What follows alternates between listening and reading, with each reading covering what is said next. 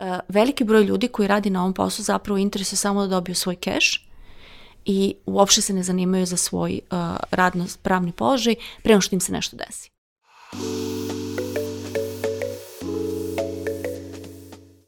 Poštovani slušalci i gledalci, dobrodošli u još jednu epizodu Netokracijnog Office Talks podcasta.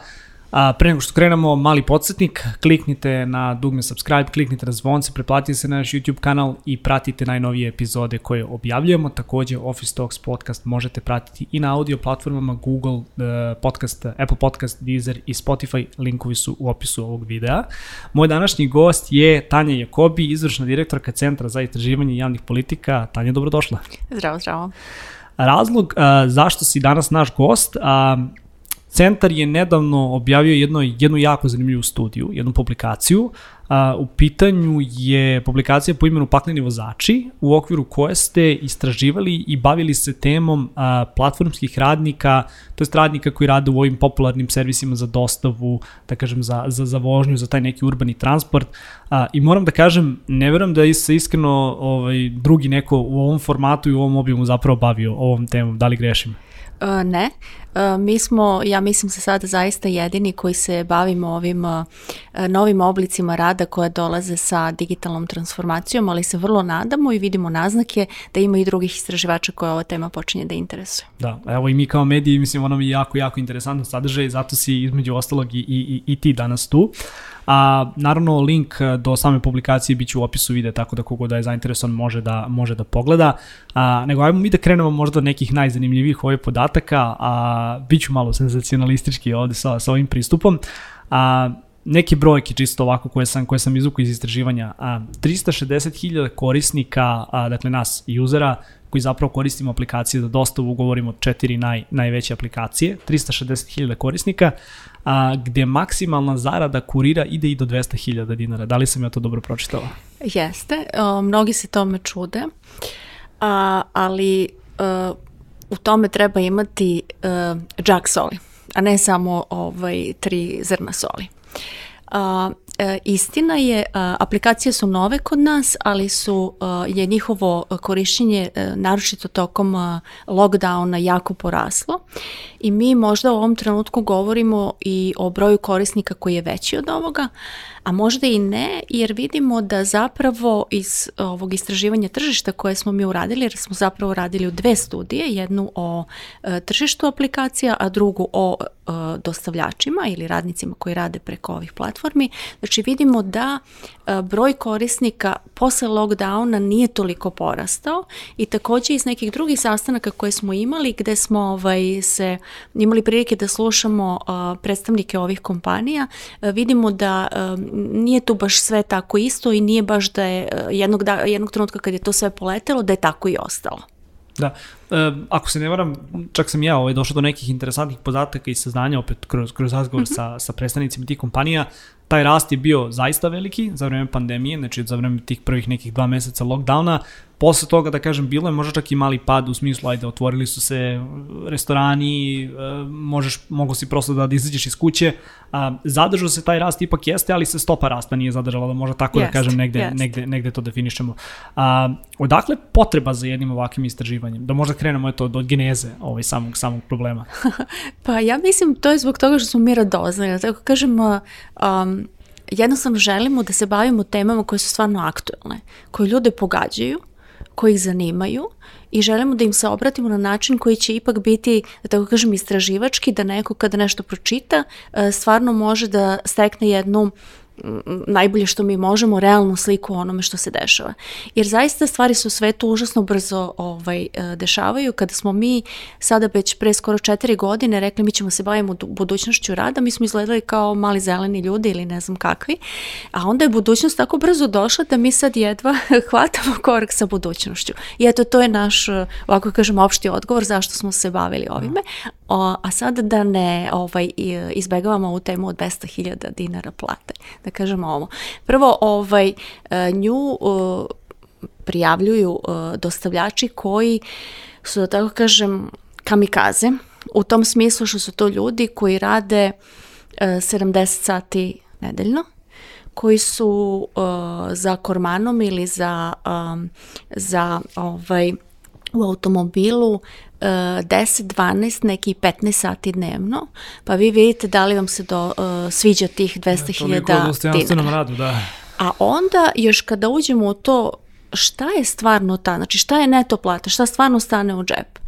Uh, uglavnom kada pričate sa dostavljačima oni, kaž, oni gledaju na to kao na svoju neto platu, ali kao da onda počnemo malo da pričamo više o tome šta je stvarno to što je njihovo, pa kad vidimo da ako se sudare automobilom ili biciklom da to treba da plate sami, a, ako se a, susretnemo sa tim da oni nemaju, obično imaju takve ugovore da nemaju nikako ni plaćeno bolovanje, ni zdravstveno osiguranje, ni a, ovaj, bilo kakav odmor i tako dalje, onda vidimo da taj, tih 200.000 ili ovih 60.000 koji su mnogo jel, skromniji i verovatno i realniji za za dosta veliki broj e, dostavljača, da oni polako počinju da se tope i do kraja gotovo da stižu zapravo do te plate koju bi oni dobijali kada uzmemo u obzir e, kakva je sada njihova obrazovna struktura, kakav bi oni znači posao radili u nekim da kažemo normalnim okolnostima zašto oni radije biraju ovaj posao nego neki u normalnim okolnostima, e, tu isto ima, da kažemo, više odgovora. Prvi je fleksibilnost, drugi je to zapravo lažno osjećanje da su oni e, vlasnici svoje sudbine. Znači šta oni kažu? Ja sednem e, za volan ili ja, kako se zove, vozim svoj bicikl, ja sam uradio toliko vožnji, na kraju dana ja dobijem toliko para i stavim njih u džep. I oni se osjećaju nekako uh, kao da vladaju svojim životom, da bolje upravljaju njime, da mogu uh, mnogo bolje da navigiraju u ovom našem teškom životu gde vi ne znate šta nosi dan, šta nosi noć. Um, posao im daje, da tako kažem, neku vrstu, to je strahovito interesantno nama, daje im neku vrstu um, drugačijeg osjećanja nego kad vi dođete na neko radno mesto, sednete i sada čekićete na nekom poslu 8 sati. Drugim rečima, neki od njih smatraju da su kraljevi ulice, zato što poznaju fantastično grad, e, neki vole da se druže, pa im taj kontakt sa mušterijama prija, e, neki vole prosto nešto novo, Uh, neki prosto vole to što mogu uh, u nekim svojim, kažem, u svojim odnosima uh, da se bolje prilagode, drugim rečima da ako im žena, ne znam, radi e, neko normalno radno vreme, da onda oni mogu da odvedu decu u obdanište ili u školu i tako dalje i da tako e, te svoje, ovaj, e, da svoj život urede na neki način za koji misle da im više odgovara. Da.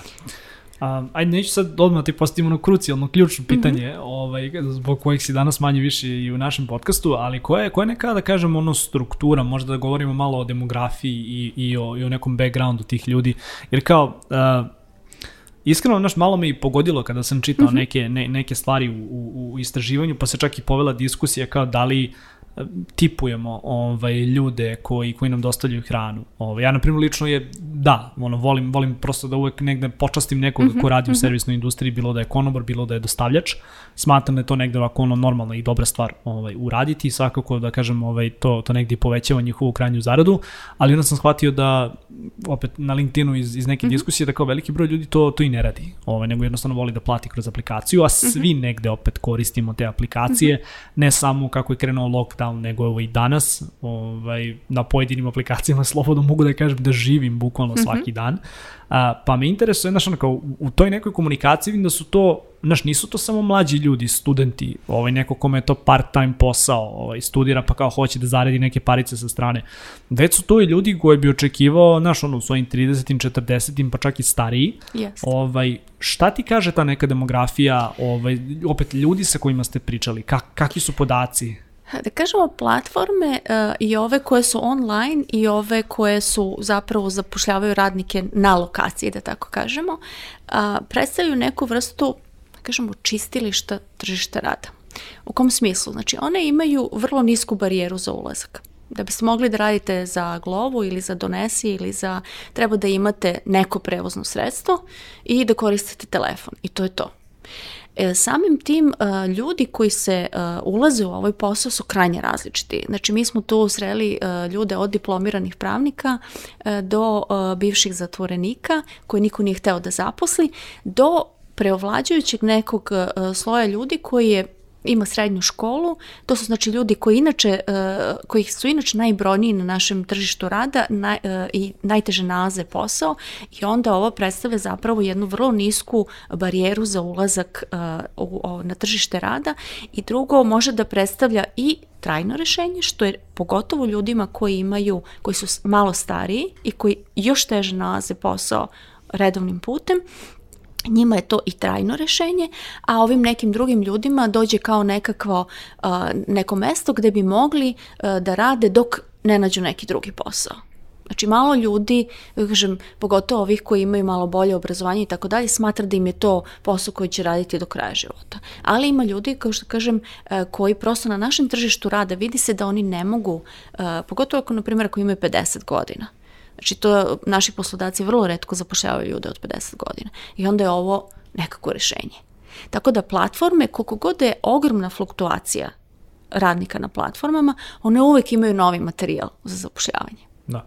Recimo, nisam sad još stigao do tog dela, pošto sam tek krenuo da čitam mm -hmm. istraživanje, zaista je, zaista je obimno i ko hvala vam što ste se toliko ovaj, posvetili tome, toj temi. A, kakva je, da kažem, možda negde tu uloga žena? Ovaj, da, da li vidimo prosto i žene u toj industriji? Ja negde verujem da pretenduju muškarci, ovaj, ali kak, kako je, da kažem, ovaj, kakve su brojke kada su žene u pitanju? Jedva smo našli neku ženu. Uh, u, videli smo iz tuđih istraživanja da žene zapravo vrlo, ra, uh, vrlo redko to rade. Uh, postoji jedno divno istraživanje iz Ukrajine koje je, na primjer, obradilo više žene. Mi smo našli jako malo, pa nismo mogli tome da se posvetimo, ali ovo ukrajinsko istraživanje je, na primjer, pokazao da neke žene koje to rade vrlo često uzimaju da rade taj posao a, ili kada je užasno loše vreme, na primjer kada je zima i tako dalje, e, ne zato što je tada veća satnica, nego zato što one imaju drugačiju motivaciju od muškaraca, jer smatraju da u tom trenutku sigurno ima neko star ili neko slab ili nekako bolestan kome će trebati nešto i onda one izlaze da rade. Takođe u Americi uh, smo videli, to je jedini primjer za koji znamo, uh, da žene su uh, češće, kako se zove, ovaj, uh, radnici na, na platformama, ali na možda malo drugačije vrsti platforma gde one zapravo idu u kupovinu, najčešće u samoposlugu ili kupuju opet neke druge stvari za uh, starije ljude i tu je opet ta um, želja da se nekome pomogne, pa moram da kažem i volja da se kupuje, da. nešto što njih vuče ovaj, ka tome. Da, Ali to, uglavnom to su to muškarci. Priča, da. Hvala ti na tom podatku. Um, e sad, a, a, ajde da se možda malo fokusiramo i na taj deo koji je možda meni nekako i naj, najinteresantniji. Kako su ti ljudi zaposleni? Ovaj, I ja sam sad tu čuo neke opet iz, iz priče prosto sa, mm -hmm. sa ljudima ovaj, najčešće tokom vožnje, jel da? Ovaj, znaš, uvek se tu povede kao i sa taksistima, uvek se tu povede neka priča, ili se ljudi žale ili kažu da nije mhm. idealno, ali znaš, kroz tu neku priču sam zapravo ovaj, još prečuo da oni su zapravo zaposleni preko, to je unajemljeni, uposleni, angažovani, nazovi to kako god, pokušavam ja da nađem pravi neki ovde termin, ali da su zapravo angažovani ili kontraktovani od strane nekog paušalca, dakle od strane nekoga ko ima svoju paušalnu agenciju i koji ih onda na taj način plaća. Da li su oni prijavljeni u bilo kakvom obimu, da li da kažem je to samo ono lova na ruke, Ka, do kakvih ste saznanja došli? E, došli smo do, uh, mislim, iskreno čeno prvo pitanje ko je njihov poslodavac da. je pitanje od milijardu dolara. Hoću da kažem ovaj... Uh, A, možeš možda negde da nam, da nam otkriješ zapravo kako, kako izgleda da, to? Da, da, znači, naravno. Ti si, ti si kompanija koja provajduje, koja obezbeđuje tehnologiju.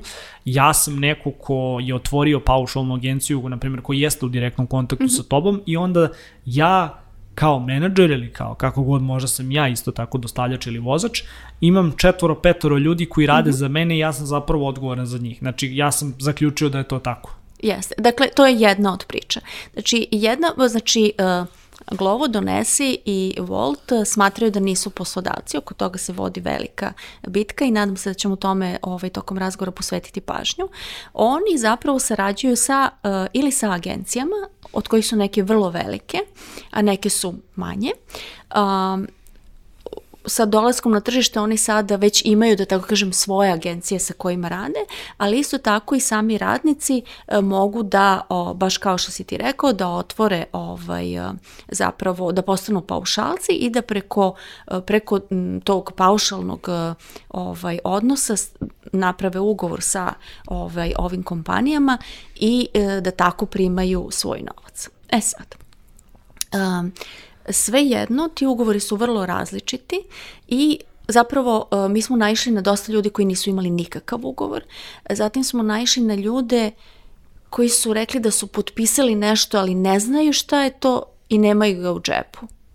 Nisu ga videli. Iskreno čeno nisu obratili ni pažnju. Njih interesovalo.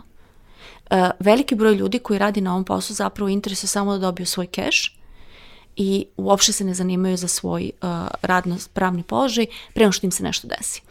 Znači, neki od njih imaju, uh, na primer, ugovore sa agencijama za privremeno i povremeno zapošljavanje, gde su oni uh, prijavljeni, na primjer, da rade nedeljno dva sata. A već smo čuli da rade 40, 50, 60 i 70 sati. Znači, to je jedan, jedna varijanta. Znači, oni to urade kao dva... Jel imamo možda i studentske zadruge uključene ovde? E, da, ali studentske zadruge, koliko smo mi shvatili, su relativno uh, ipak skupe i one nisu tu zgodne. Drugo, uh, neke od ovih platformi takođe uslovljavaju da sklapaju ugovore sa uh, onim agencijama koji su se registrovale za određenu delatnost uh, kurirskih službi. Kurirskih službi, Jeste. to sam ja isto čuo, da. Uh, mada ima i nekih koje, ovaj, tako kažu, ovaj, uh, se regist, uh, primaju i agencije koje su registrovane za neku drugu delatnost kojim je, kojima je po zakonu uh, zapravo imaju niži, ovaj, nižu stopu poreza. Uh, ovaj, a mogu da imaju nekoga ko prevozi nešto, da tako kažemo.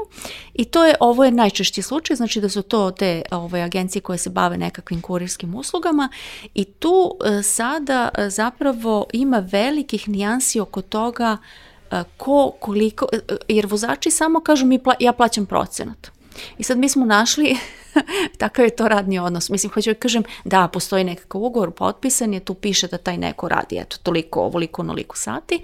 E, neki od njih plaćaju 15%, e, neki plaćaju 8%, e, neki, ako im je to neka prijateljska šema, onda plaćaju ponekad i malo manje. I oni, uh, dakle, ka, kažem, znači samo... Što je deo novca koji ostaje, da kažem, tom nalogodavcu, jel da? Uh, da, da, da, jeste. Znači, to je otprilike takav neki, uh, takav neki odnos. Pored toga postoji ovo što smo rekli paušal, gde jedan radnik odlučuje da otvori sada taj svoju radnju, jel, preduzetničku. Međutim, za njega je naravno taj porijski teret previše velik i onda on zapravo, da kažem, zapošljive ali ne je zapošljiva, nego zapravo on e, se stara o četvoro ili petoro ljudi koji nigde nisu prijavljeni, ali taj novac koji njemu isplaćuje neka od ovih e, on, on platformi, bili, da. on onda raspoređuje na ove druge i mi smo tu sreli, da tako kažem, i vrlo jel, prijateljske odnose gde to funkcioniše, ljudi su zadovoljni zato što im je taj neko koji je njihov prijatelj dao nekakvu nižu, ovaj, niži iznos koji oni treba da plate, tako da prosto pokriju ono što je obaveza prema državi, a onda oni sami razmišljaju o tome da li će da uđu u nekakve privatne ovaj, da li da, na primjer, obezbede za sebe nekakvo privatno, na primjer, zdravstveno osiguranje ili tako dalje, jer su zaista ovaj, kod njih povrede relativno vrlo česte i uh, otprilike tada oni najčešće shvate zapravo da je ipak nešto njima trebalo. E sad što se tiče zdravstvenog osiguranja, oni mogu naravno da budu uvek e,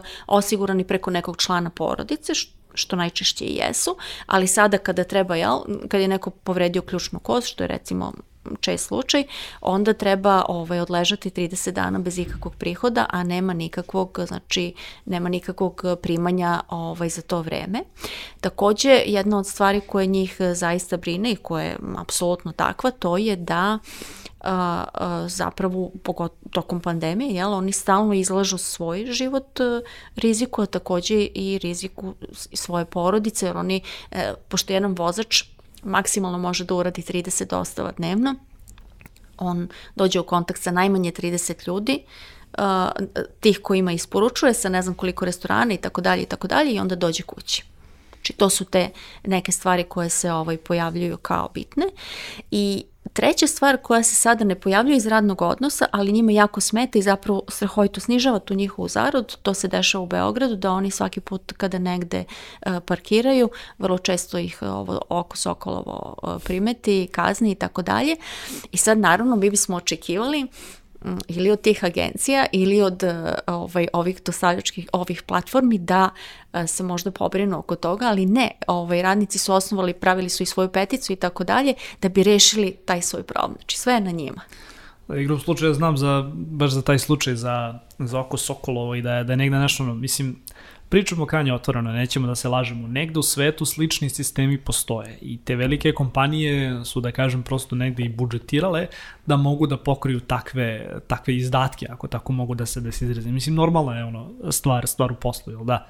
A, u Srbiji je to opet drugačije. Znaš, ono, nije bilo baš mogućnosti da se to uradi, zašto te kazne negde jesu previsoke, a taj sistem ih je, da kažem, dosta ovako ovaj, zeznuo, tako da nije idealno.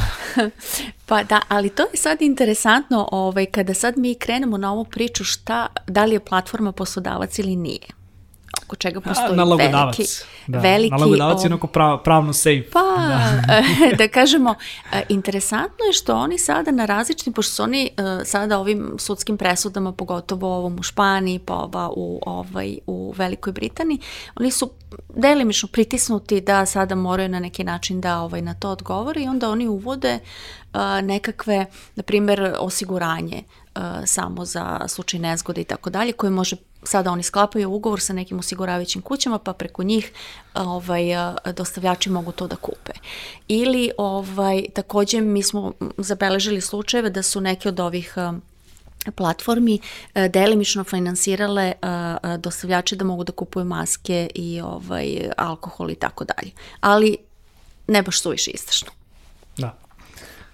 Um, kako Srbija negde negde, negde gleda, gleda prosto na to tržište rada. Kao razlog zašto te pitam jeste, mislim, ovo se sad negde, mi pričali smo malo čas kad, kad smo sedeli ovaj, ispred, spremajući prosto ovu epizodu, dotakli smo se malo i teme freelancera, sad nekako gledam da, da ne uđem sada i, i, i, i u to vrzino kolo, ali ajde, kao kad smo već tu. A, čini mi se da sa svim ti nekim novim oblicima rada, koji neminovno jesu tu i postoje, i sad je veliko pitanje da li ti možeš zapravo da imaš takvu jednu aplikaciju koju neminovno svi mi koristimo ovde, Jer kao razlog zašto te pitam ovo, naši Suberom je to bilo isto stvar, kao mi nismo taksisti, mi smo samo aplikacija koja spaja da. korisnika sa, sa vozačem i ono, uspeli su da kažem da onako malo na mišiće ulete da kreiraju tu neku rupu u tržištu, da zapravo stvore veliku potrebu i onda kao hajde da idemo pa da menjamo zakone ili u našu korist ili da kažem da se tu borimo. I to je očigledno praksa koju i Srbija to koja se, koja se u Srbiji, da kažem, negde prosto usvojila ovaj, iz, iz, ono, od preko, dakle to jeste neka globalna praksa. Ne verujem da sada možemo da se vratimo u taj neki ono, prethodni model, a to je da ti vidiš kako, e, kako zakon ovaj, nalaže, pa da posluješ isključivo po zakonu te velike tehnološke kompanije, to je ona da kažemo, ovaj, engleska reč, ona vole da disruptuju tržište, yes. znači vole da, yes. da promene, vole da uskomešaju ovaj, ne, ne, neke stvari. I ne verujem da ćemo se zaista vratiti na, na, na taj neki stari model, ali opet kada provučamo to kroz prizmu nekog našeg zakona o radu, gde ne znam, na primjer, taj neko ko ko zarađuje 100.000 dinara, on bi zapravo ono morao, da kažem 165.000, sad da me ne držiš ovde tačno na bruto 1, mm -hmm. bruto 2, ali ajde da kažemo 65.000, na primjer, ono porezi i doprinosi koje, koje se daju državi sa takvim modelom, ja bih čak tvrdio ovde javno da oni možda i nisu isplativi za, za takve nalagodavce, što mislim da je negde ovaj manje više i, i, i priča ovog podcasta. Sad je veliko pitanje kako država Srbija uopšte gleda i kako posmatra mhm. taj problem, taj izazov, ako mogu tako da kažem, jer kao potreba je s jedne strane tu.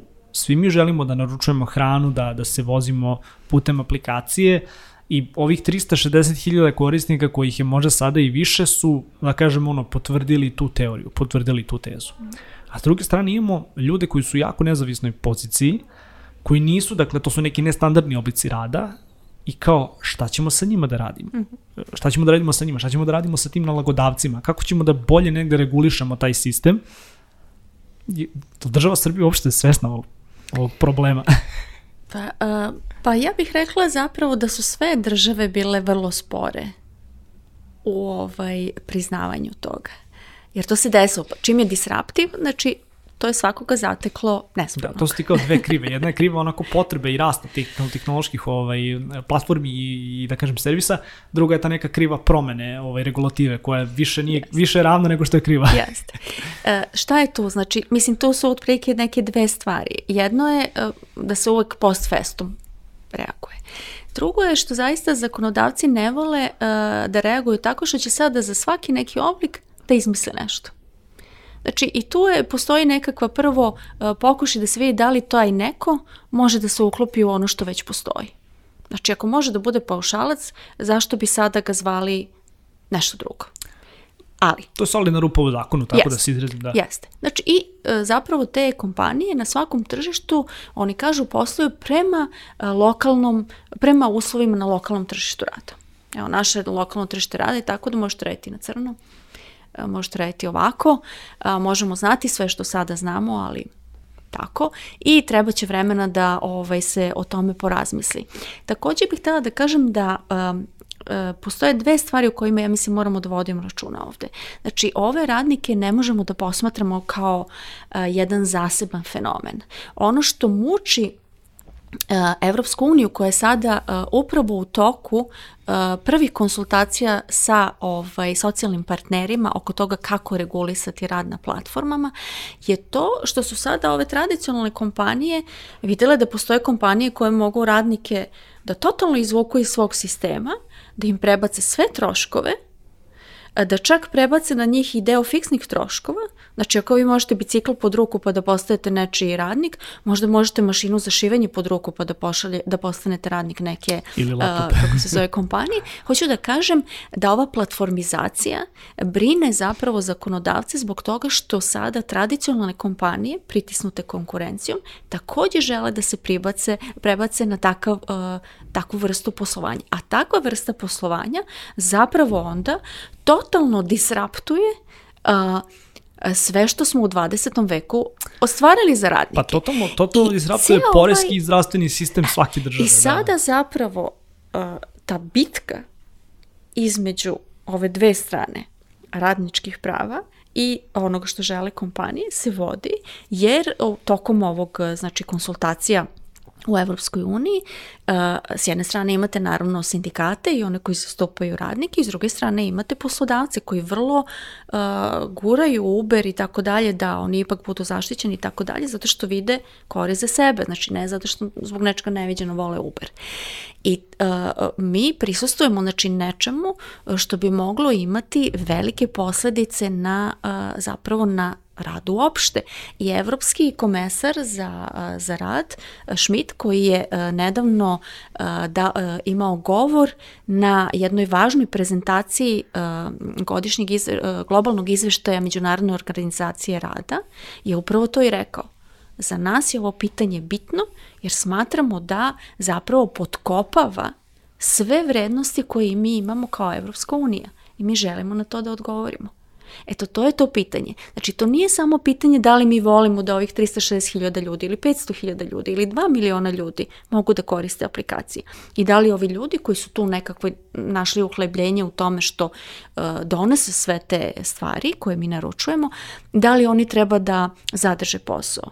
Jedno i drugo ali moramo ipak da se zapitamo ne samo da li je za uh, dostavljače bi to bio dobar posao kada bi oni plaćali poreze i doprinose, nego da li bi platforme bile toliko disruptivi, toliko inovativne i tako dalje, kad bi morale da rade kao normalni poslodavci. Da, to je zapravo dobro pitanje, da. Mislim, znaš, slušam te pažljivo i kao jedna, jedna od stvari koje mi se neminovno ovaj, negde, negde vrti u glavi je sad, opet vraćam se i na freelancere, ali, znaš, ono, stvari o kojoj redko ko razmišlja o mojim nekim godinama, ja imam 30 godina, znaš, pa kao, pre par godina sam došao u situaciju da moram da, da razmišljam o tome, ali kako vreme prolazi sve više razmišljam o tome. A, mnogo je tu neke priče sad kao, pa zašto da ja plaćam penziju, mm -hmm. pa ja neću vidjeti penziju, pa pio nam je pred raspaljenjem, pa ne znam ti nija šta. Zdravstvo, uvek naravno imaš i taj ono legitiman zaista razlog da, razlog da nam je zdravstvo, pogotovo sad u doba korone, mm -hmm. zaista u haosu i da mnoge stvari moraš privatno da radiš, jel pod jedan, M ćeš da dobiješ bolju ovaj, zdravstvenu negu, M ćeš da završiš zapravo tu stvar, nećeš zakazati nešto za 2-3 meseca. Ali nekako mi se čini da niko od nas mm -hmm. zapravo ne razmišlja o tome šta kada ne kada dođemo u 50 godina, nego kada dođemo u 60. 70. Mm -hmm. godine. A, I zaista sam fasciniran, ok, sad s jedne strane naravno i platforme sigurno ne razmišljaju o tome, takvi nalegodavci bi možda trebali malo da budu pritisnuti da, da razmišljaju o tim stvarima, ali naš, ni sami radnici isto tako ne razmišljaju šta kada budem imao 60 godina, kada, kada mi budu potrebni lekovi, kada mi bude bila potrebna nega, a, odakle će to sve da bude finansirano. Jasno. I znaš, mi ovde sad, moje neko viđenje da smo ono, ajde možda jedno pet godina ima kako su ove stvari, da kažem, krenule mm da rastu i sad je dobro vreme negde da se regulišu, da se tih pet godina ne bi pretvorilo u čitavu jednu generaciju, gde onda, ne znam, za 30, 40 godina mi ćemo imati ogromne rupe u tim nekim evropskim vrednostima, a to je znači da imaš ono penziju, da imaš penziono osiguranje, da kažem da imaš neka zdravstveno osiguranje. I zaista se brinem kada dođem u taj neki mm -hmm. period, ako planiram da ostanem da živim ovdje u Srbiji, mm -hmm. Kako će te generacije i kako će, da kažem, prosto stvari da izgledaju tada? E, to je zaista veliko pitanje.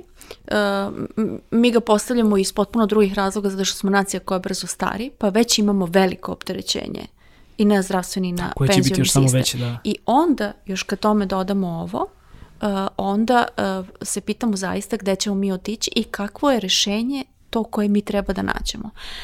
A, meni se čini da mi uh, pokušavamo da nađemo rešenja, tu mislim na državu, uh, koja deluju koja deluju uh, dobro, a zapravo kad pogledaš kakvu filozofiju ona nose, ti vidiš da ta filozofija nije dobra.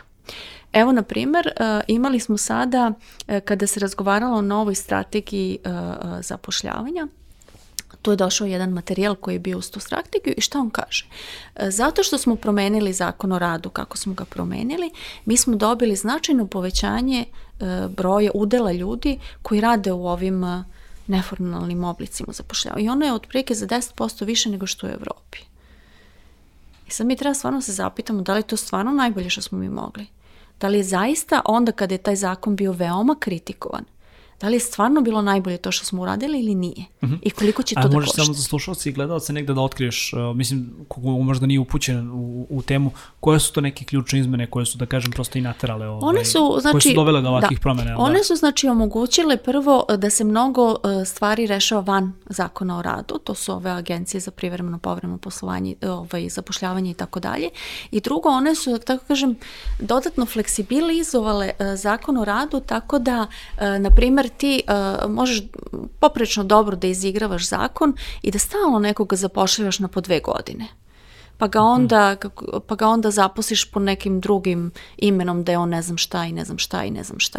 I tako ti stalno držiš tog uh, radnika na jednoj uzici i vučeš ga onako kao uh, cimaš ga, maltretiraš ga i tako dalje zato što ti se može, zato što je ovde bilo jako puno nezaposlenih ljudi i koristiš tu rupu u zakonu uh, da bi to uradio. A nemaš druge strane inspekciju rada i nemaš konačno, u državi nemaš takvo a, raspoloženje da kaže, vidite, pa to nije stvarno u redu.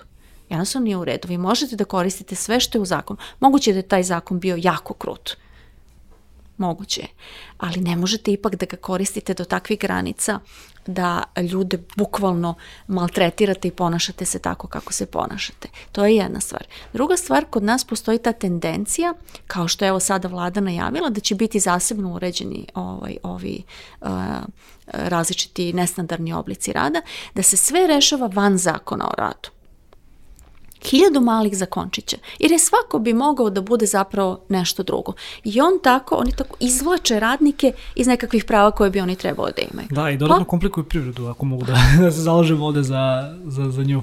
Tako da, eto, mi smo se nadali i ovaj, um, grupacija nevladinih organizacija, istraživačkih organizacija je pripremila ovaj, na čelu sa Marijom Reljanovićem i, i stručnicima koji su se oko njega okupili, pripremila je jedan predlog zakona o radu gde se svi ti neformalni oblici uvlače u zakon o radu i onda se regulišu sa nekom idejom.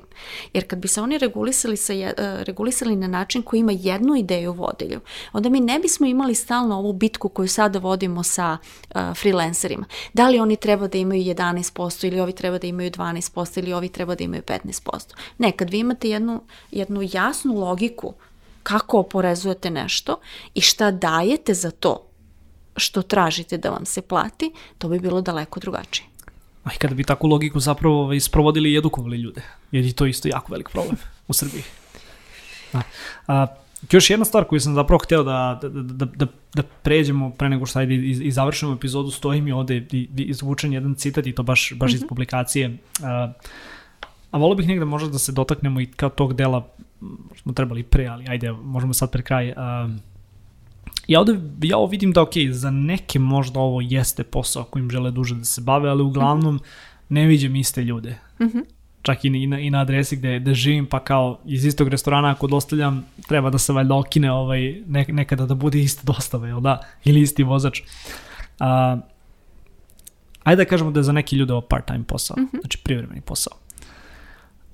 Za te ljude koji možda gledaju da je ovo neka dobra, dobra zarada na dugoročno gledano, a, opet zavisi naravno i u kojim su godinama, sigurno ako su u 50. godinama možda negde ne razmišljaju o svom razvoju veštine, ali ajde, ako generalno govorimo mm -hmm. o toj nekoj mlađoj populaciji, oni nemaju priliku da ovde pređu na neku višu menadžersku poziciju. Ovo je, znači, ono, radiš dostavu, ne radiš dostavu i to je to.